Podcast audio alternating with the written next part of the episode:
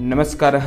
रिक् T V भारते भवतां सर्वेषामपि स्वागतं मम नाम गवीषद्विवेदी पुण्यकोटिनामकं संस्कृतजगतः प्रथमम् एनिमेटेड् इति अनुप्राणितं चलच्चित्रं गृहे उपविश्य द्रष्टुमिच्छन्ति चेत् शीघ्रं पञ्जीयनं कुर्वन्तु पुण्यकोटि डाट् काम् इत्यत्र।